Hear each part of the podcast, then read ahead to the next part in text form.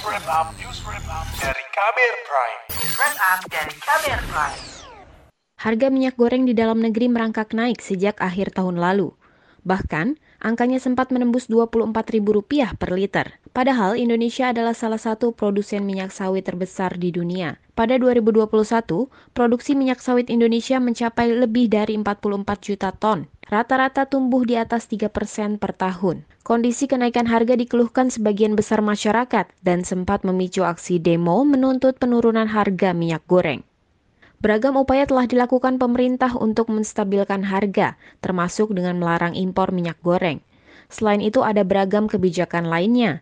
Yang terbaru, pada 6 Juli lalu Kementerian Perdagangan atau Kemendak meluncurkan minyak goreng curah kemasan yang berlabel minyak kita dengan harga Rp14.000 per liter. Menteri Perdagangan Zulkifli Hasan. Kalau yang sekarang kan ada semacam pom bensinnya yang ditentukan. Ada warung pangan, warung pangan mengambil ke distributor yang pakai tank itu kan, tangki. Muatnya 1000 kilo. Nah, orang datang pakai jerigen ngisi, nanti jualan kan, dicurah lagi di plastik jualan. Dengan ini lebih mudah karena sudah dikemas, itu bisa ke mana-mana gitu. Bisa masuk ke pasar mana pun. Terutama Indonesia Timur, tentu ekspedisinya, logistik kirimannya lebih mudah. Ya. Menteri Perdagangan Zulkifli Hasan berharap dalam waktu dua pekan setelah peluncuran minyak kita, harga minyak goreng di Indonesia bisa kembali di bawah Rp14.000 per liternya. Ia mengklaim minyak kita bisa menjadi solusi untuk menjawab salah satu masalah penyebab kenaikan harga minyak goreng, yakni distribusi. Minyak kita dapat dibeli maksimal 10 liter per hari untuk setiap nomor induk kependudukan atau NIK, Pembatasan dilakukan untuk menghindari pembelian yang tidak sesuai kebutuhan. Masyarakat dapat menunjukkan aplikasi Peduli Lindungi atau kartu tanda penduduk KTP saat membeli produk ini. Minyak kita saat ini sudah tersedia di sejumlah daerah, namun belum menyeluruh. Namun pembelian menggunakan KTP dan aplikasi dikritik anggota Komisi Perdagangan DPR Nevi Zuairina. Selain itu, Nevi ragu minyak goreng kemasan sederhana itu mampu mengatrol persaingan harga minyak goreng curah di pasaran. Tetapi, ia berharap minyak kita mampu meringankan beban ekonomi pelaku usaha mikro kecil dan keluarga berpendapatan rendah. Ya, sebenarnya sederhana aja ya. Kok bisa, kenapa itu dia kemasan, terus juga harus pakai aplikasi, pakai kata KTP gitu kan. Hmm. Beli minyak goreng. Nah itu kan sebenarnya menyusahkan masyarakat dong. Padahal kita kan di Indonesia itu kan pabrik CPO terbesar di dunia, Mbak. Harusnya kita surga untuk minyak goreng, tapi ternyata sekarang beli minyak goreng dibatasi.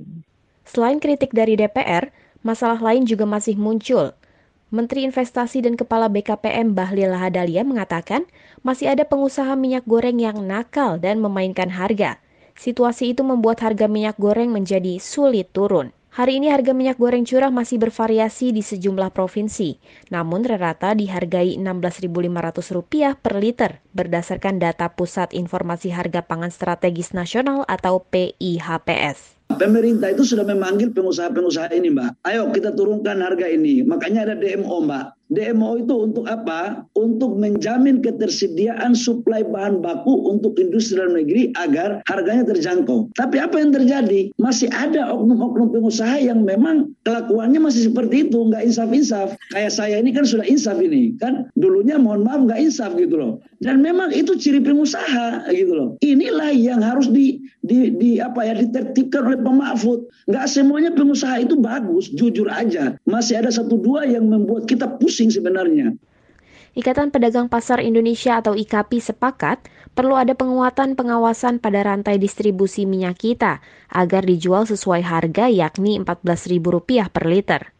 Wakil Sekretaris Jenderal DPP IKAPI Ahmad Hoirul Furkon meminta pemerintah melibatkan pedagang pasar untuk memonitor distribusi minyak kita ke seluruh daerah di Indonesia.